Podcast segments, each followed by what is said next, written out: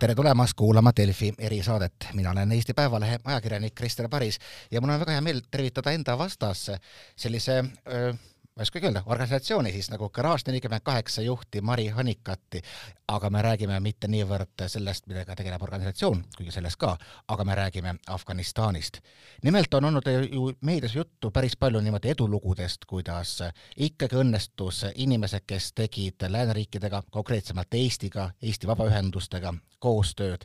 need inimesed ka Afganistanist ära tuua et nad ei langeks eh, Talibani mis iganes põhjustel otsitud ettekäänd- mm, kättemaksu ohvriks. aga ma saan aru, et, et tegelikult neid inimesi, neid afgaane, kes on teinud koostööd eh, laiemalt ütleme kübersfääris, on, on märgatavalt enam ja, ja paljud, Mari, on ka, ka siis nii-öelda sinu, teie heaks töötanud seal ja väga paljud on meie jaoks töötanud, meie koostöö sai tegelikult algust kaks tuhat üheksateist aasta sügisel, mil me hakkasime korraldama ühte arendusnädalavahetust, mis oli mõeldud äh, naiste võimestamisele äh, Kabulis ja laiemalt ka Afganistanis, kuigi enamasti tulid meil kohale kohalikud Kabuli noored tüdrukud ja mis siis, siis praegu saanud on, et ilmselgelt äh, on ka, ka, ka meedia mujal on ka täis lugusid nendest, kes tegelikult maha jäid, noh isegi mitusada Ameerika enda kodanikku jäi maha, et selge see, see oli tohutu segadus, kuigi suudeti seda umbes sada kakskümmend neli tuhat inimest lõpuks ära tuua. aga ma saan siis aru, et, et nende jaoks praegu siis on alanud uus ajajärk ja teps mitte nii-öelda päikesetõus jah, see on selline öö, olukord, kus öö, umbes kakskümmend inimest, keda ma isiklikult tean, on öö, läbi Ameerika abi suutnud öö, Washingtoni jõuda tänaseks, enamus siis kolmekümnendal ja kahekümne üheksandal augustil, aga paljud on jäänud tagasi ja on äh, selliseid osapooli äh, ja kohalikke, kes äh, on suhteliselt rahulikud ja vaatavad siis, mis elust saab, sest et tegelikult keegi ei tea, missugune on see Taliban, kes praegu juhtima asub. Et kas nad oskavad juhtida, kas nad oskavad riigis uue struktuuri luua või siis on endiselt tegemist sellise usupõhise juhtimisega, mitte inimese elu parandamisele suunatud äh, juhtimismudeliga. et aga ikkagi on jah, meil omajagu inimesi, kes siiamaani paluvad Eestilt ka abi, et Eestisse tulla missugused on olnud reaktsioonid, on teil olnud, on, antakse lootust neile? Praegu on olukord niimoodi, see on viimane info, ma olen ka Eestist mõnda aega ära olnud, see on mõne päeva vanune, et Eesti aasta kvoot on täis. nii sellele vaatamata, et on toimunud sellised murrangulised sündmused, mida no ei saanud ette näha ilmselt veel, veel juulikuus. jah, ja tänu või nagu sellest sõltuvalt äh, peaks tegelikult ka riik, äh, mitte ainult Eesti, aga erinevad Euroopa Liidu riigid äh, suutma kohandada natukene oma immigratsioonipoliitikat aga rääkigime siis, mis inimesed need on, siin enne, kui ma vaatasin, et noh, millega ka teie tegelete, et on käinud läbi sõnad nagu häkaton ja, ja et noh, ma ei mõtle, ta on häkker, aga siis nii-öelda IT-inimesed, arvutispetsialistid Afganistanis, ütleme, pean tunnistama, see ei, see ei ühti päris sellised mm, klassikalise arusaamaga, et Afganistan, ma mäletan, kui kunagi Afganistani kampaania algas, ja siis ameeriklased äh, alustasid pommireide ja ütlesid ka, et it's a low target environment, et meil ei ole nagu telkide pihta mõtet pomme loopida, et see on nagu selline tüüpiline arusaam Afganistanist. ma saan aru, et sellest ajast saadik on elu ikkagi edasi läinud seal mm. -hmm ma arvan, et see on ka selline trendipõhine, et äh, eks ikka see startup ja IT-maailm tundub atraktiivne ka noortele ja valdav enamus nendest osalejatest, kes meil detsembris kohal käisid, äh, kuskil sada viiskümmend inimest, kelles umbes seitsekümmend viis protsenti olid tüdrukud, olid kõik äh, õppimas IT-d, arendajad, disainerid, et ülikoolid õpetavad väga palju IT-alaseid teadmisi. Afganistani ülikoolid Afganistani ülikoolid, jah, me käisime ülikoolides ka tegelikult rääkimas äh,, lihtsalt tegemas sellist promokampaaniat oma häkatonile ja siis väga-väga äh, suur huvi oli, et me tegelikult pidime ukse taha inimesi jätma, kui meil oli see hommikune turvakontroll äh, ühes väikeses Kabuli hotellis, kus me oma üritust pidasime. Mis teie tase on, kui me võrdleme, no me Eestile meeldib endast mõelda kui IT-riigist ja küllap meil ongi väga kõrge tasemega inimesi palju, aga kui nüüd vaatame näiteks siis afgaanidele no öö, mm, päris ausalt öeldes tase on ikkagi vilets, et äh, minu jaoks on alati üllatav, kui me Google'i läheme äh,, kui äh, inimene on õppinud IT-d äh, ja tal tegelikult puudub äh, nagu selline kuidas ma oskan öelda, selline intuitiivne mõtlemine üldse IT-alaselt, et äh, ta, ta tasem, tase on suhteliselt nõrk ja teadmised on vähesed ja praktilistest teadmistest äh, jääb minu arust eriti puudu. kuidas Afganistanis internetiga on? väga vilets internetiga on äh, väga vilets ja seal on, ma enam täpselt nii hästi ei mäleta, aga seal on teema, et sa pead valima, mis võrgu sa vaatad, mis võrgu sa endale võtad, et sind ei monitoorita pidevalt. et äh, internet on kallis äh, ja kui me tegime pool aastat hiljem, minu arust kaks tuhat kakskümmend aasta juuni tegime ühe kriisihäki seal Covidi suunalise,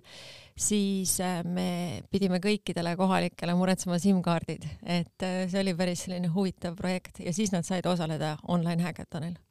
no see on siiski mingisugune areng, ma mäletan ise, ma töötasin mingi hetk koos afgaanidega Vaba Afganistani raadios kaks tuhat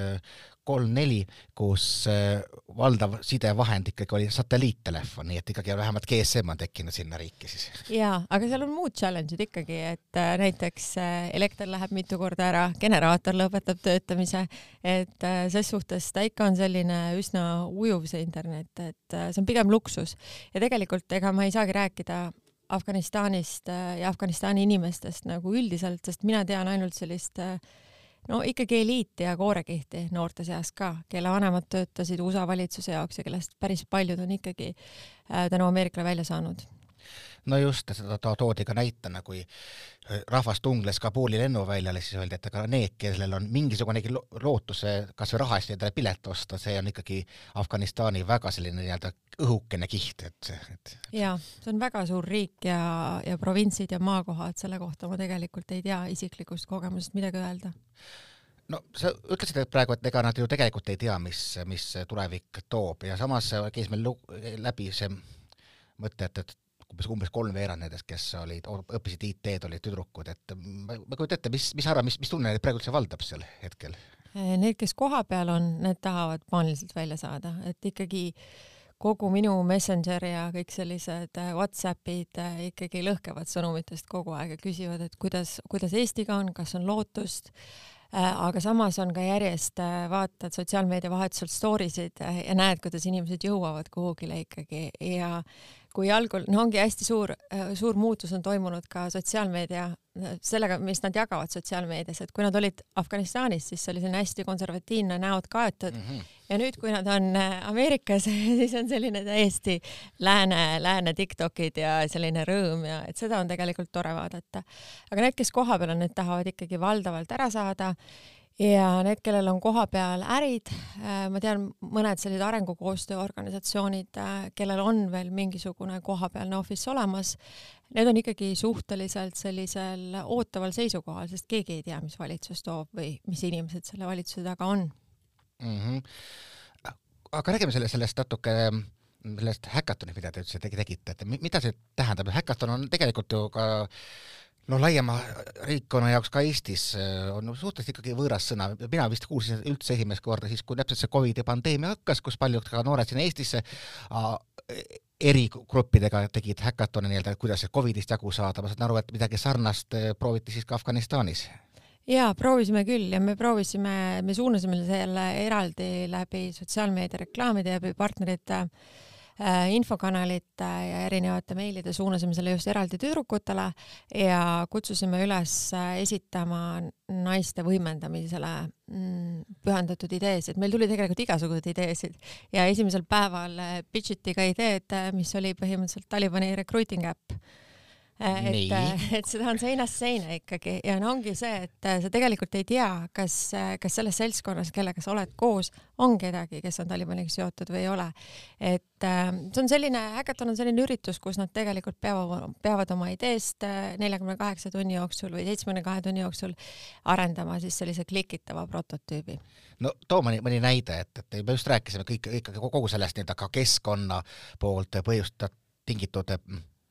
probleemidest, väljakutsetest, et mis, mis üldse toimiks Afganistanis? no neil on mm, minu arust mm, suhteliselt sarnaselt nagu Aafrikaga on ikkagi väga palju selliseid mm, sotsiaalmajanduslike teemadega seotud küsimusi ehk siis äh, naiste gümnakoloogilise tervise teavitamine, isegi harimine, naiste, naiste harimine maapiirkondades, mida teha, kui on midagi valesti. et äh, selliseid äppe tehti ja selliseid äpi tegi üks äh, tiim, kellest enamus olid gümnakoloogid, ämmaemandad, see olid suhteliselt haritud äh, targad äh, naised, aktiivselt töötavad tervisevaldkonnas ja nemad suutsid selle aastaga, mis nad oma nagu selle äpiga korralikult töötasid, ka seda testida erinevates maapiirkondades, et nemad tõesti töötasid edasi, arendasid seda edasi. siis oli hästi palju äh, kohaliku Afganistani kunsti müümise platvorme, et neid oli päris palju, Sinine kivi ja kõik need ilusad asjad, mis seal on, sallid ja ja kangad, sest et Afganistanil on kohalikel turgudel hästi palju müügis Indiast ja Hiinast tulevaid asju, aga tegelikult äh, nad ikkagi omajagu toodavad ise ja neid asju on raske osta. no nende vaibad on hästi kuulsad ju. jaa, vaibad on ilusad, aga vaipadega ka, kui sa turul kaupled, sa ei tea, kas sa saad Afganistani vaiba või mingisuguse muu vaiba et nad on kavalad no kui me rääkisime sellist, et ka nii-öelda haritud gümnakoloogidest ja ämmaemandatest, oli ka kokkupuuteid, noh, juttu sellest, et kui palju siis ikkagi see kahekümne aastaga oli arengut ja me oleme siin ju kuulnud ja ka meil lehes on ilmunud kirjeldusi, kuidas hästi palju sellest lääne abirahast läks vasakule, muuhulgas oma kümnis või isegi noh, viiendik läks, läks või mõnel pool ka, ka, ka, ka Talibanile, et äh, meil üks, üks endine eriväelane kirjeldas siin, et nägi palju tühje koolimaju, et maja pandi püsti, aga tegelikult äh, hariduse sees lõpuks ikkagi ei antud, et noh, need on, need on need kõik tuntud probleemid, aga mida nad rääkisid, kas tegelikult ikkagi noh, nägi ka ikkagi progressi oma riigis? Need kohalikud osalevad siis ise. no minu jaoks oli see, et väga suur grupp olid väga noored, kellel oli nagu kergelt selline lääne peapesu tehtud, kellel oli IT ja startup kõneviis. Äh, ja siis olid sellised äh, natukene vanemad, sellised kolmkümmend viis ja nelikümmend. Ja minu jaoks oli üllatav ka tol hetkel, no ikkagi suhteliselt tume oli see Afganistan, et neil on endiselt lootus olemas, aga mida ma nägin äh, ka paljude nende natukene haritumate äh, gümnakoloogide osas, äh, päris paljud suutsid seda nagu kuidagi ennetada ja enne augustit olid ikkagi päris paljud jõudnud juba USA-sse, kas siis abiellunud või mingit muud viisi läinud edasi õppima, et, et seda shift'i oli küll väga palju näha, ma mäletan, kas kuskil juulis hakkas tulema järjest, kuna kõik nad on Facebookis ikkagi kontaktid või kuidagi jäänud püsima, hakkaski tulema järjest sellist Ameerikasse jõudmist aa, no selge, et ühesõnaga nad tegelikult koha peal juba sisemine tunnetus ütles, et noh, eriti kui ameeriklased teadlased kavatsesid ka välja tõmmata ja oli näha, kuidas üks linn teise järel läheb Talibani kätte, et elukogemus ütles, et nüüd on, nüüd on, nüüd on kiiresti vaja minna ja,. jah, jah, üldiselt ikkagi pigem taheti edasi minna. no kui need, need tulevad, nad tulevad Ameerikasse, nad tulevad äh, ikkagi võib-olla ka järgmisel aastal meie kvoot ei ole enam lukus ja tulevad ka, ka siia, tulevad kindlasti ka teistesse Euroopa riikidesse, me ju tegelikult juba näeme selliseid noh, ka poliitilisi probleeme mõned, nii mõnegi, mõnigi erakond, mõnigi poliitiline jõud ka tahab endale lõigata võib-olla profiiti selle pealt ja, ja noh, tegelikult päris palju kõlab selliseid äh, mõtteid, et, et ma ei tea, et, et noh, niigi on meil äh, eriti islami taustaga pagulastega raske ja nüüd tulevad veel Afganistanis ka, kes on veel nagu eriti sellisest noh, tundub, no ma ei tea, maas, kus Talibanil on ka, ka rohujuure tasandi toetus olemas. kõigepealt noh, et kui sa vaatad neid, neid noori, et kui palju selline no ikkagi äh, islami selge, selge tugev islami pitser, mis võib-olla ei ühildugi meie lääne ühiskondadega, neid, neid varjutas no minu jaoks oli ikkagi need noored väga liberaalsed. et ma mäletan ise, kui ma sinna läksin, siis ma ostsin endale üle mustad riided, pika kleidi, salli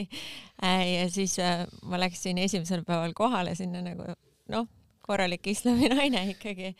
nägu oli näha, natuke juukseid ka aga üleni kaetud ja siis oli ikkagi näha, et kui nad on omas keskkonnas, esiteks kõik kandsid teksapükse,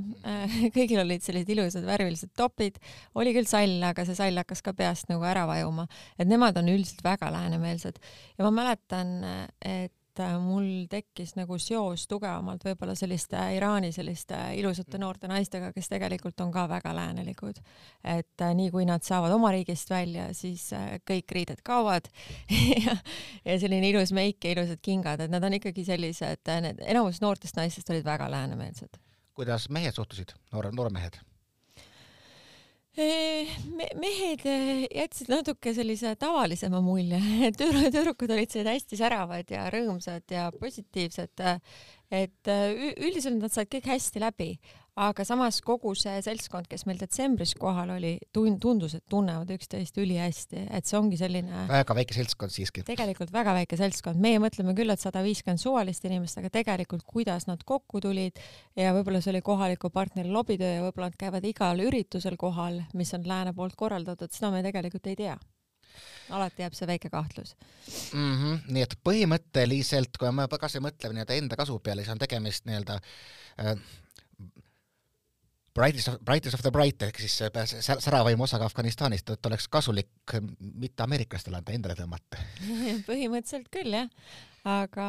aga praegu ei ole veel väga head väärtuspakkumist, miks need noored sinna peaks jääma? no sinna, sinna koha peale kindlasti mitte jah ja., et, et jah ja nii, aga mis me siis, siis praegu niimoodi kokkuvõttes ütleme, et, et me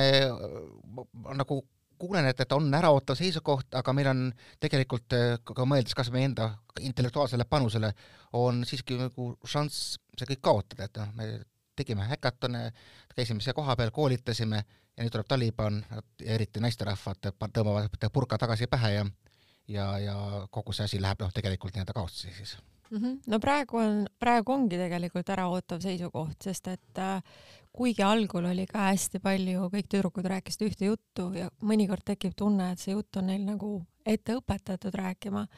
et kindlasti praegu ei ole veel koolid lahti, kindlasti on äraootav seisukoht, kas tüdrukud saavad kooli tagasi minna, kas saavad oma lõpueksamid ära teha e. aga no üldiselt äh, ikkagi äh, peab äh, edasi tege-, tegelema nendega. et no, no arengukoostöö vajadus ei kao tegelikult ära ja ta on veelgi tugevamalt äh, kui enne vajalik praegu, kui selline lääne, lääne kohalolu on seal täiesti nullilähedane. et äh, doonoriraha on endiselt vajalik, lihtsalt äh, kuidas uuesti tekitada see struktuur ja aru saada, kes kohalikest partneritest on väärt seda edasi arendama no selliseid piirkondi, kus taolisi küsimusi tekib, on ju, ju päris, palju muidki, ma ei tea, võtame kas või näiteks Transnistria või no meile lähemal või kohad, kus, kus on kummalised valitsusstruktuurid mm -hmm. ja siis mhm. kõrval sellised muud, et, et noh, ilmselgelt keegi ei taha praegu Talibanile avada ei IMF-i rahakraane ega mitte midagi muud, kuidas tegutseda niimoodi, et äh, sa samaaegselt ei, ei toeta režiimi, keda sa üldse kuidagi toetada ei taha, et on, on, on selle kohta mingisuguseid häid mudeleid? ei ole väga häid mudeleid ongi, ega samamoodi olukord on täpselt nii, nagu ta praegu on, keegi ei lähe sinna uuesti tegema seda, mida Ameerika üritas kakskümmend aastat teha. Ja tegelikult Afganistanil on olnud mitusada aastat äh, sellist stabiilset ja tsentraalset valitsust, et äh, kas see raha ennem läks õigetesse kohtadesse, see on ju ka kaheldav samamoodi, onju. no just meil Yana Toom kirjeldas, kuidas ähm, ehitati lääneriikide abiga valmis sild, no saadi aru küll, et Taliban võtab sealt viiendiku vahet, aga mis siis, silda on vaja. Taliban laskis silla õhku ja niimoodi kuus korda järjest. lõpuks sai oma silla, terve, terve sillaehitusraha kätte Afganistan on huvitav koht, et samamoodi nagu Aafrikas, kus me praegu oleme hästi palju üritusi teinud, äh, seal on samamoodi tegelikult päris paljud struktuurid äh, ja teed ja raudteed hiinlaste toetatud, et sealt seda välisraha tuleb siit ja sealt ja sellist vaikset võimu ostmist on ka erinevatest kohtadest. et jah, ma ei usu, et see valitsus ennegi väga läbipaistev oli, et äh, ma arvan täpselt samamoodi nagu kõik teised lääneriigid äh, peab olema mingisugune usk sellesse praegusesse valitsusse. ma arvan, et, et sellise hea lootusrikka sõnumiga, et nagu öeldakse, tunneli lõpus paistab valgust, et sellega võib-olla on ka praegu siis hea lõpetada ja olemegi siis äraootaval seisukohal, et esialgu no tõesti, Taliban näitab sellist nii-öelda inimnäolist Talibani vähemalt sõnades ja noh, ei ole ka, ka Kabulist tulnud väga palju teateid sellisest vana, vana, vanas stiilis jõhkrutsemisest, kuigi kui mõeldes nagu naiste peale, just eile vist tuli uudis, et see üks naisreporter, kes julges Talibani intervjueerida, ega julgust rohkemaks ei jätkunud, et, et lahkus ikkagi riigist, põgenes ära. aga noh, et ma ei tea, hoiame siis pöidlad, pöidlad risti ja, ja aitäh, Mari Hannikat, teile Garaaž neljakümne kaheksa juht. mina olen Krister Paris, Eesti Päevalehe ajakirjanik ja jälle kuulmiseni siis uutes erisaadetes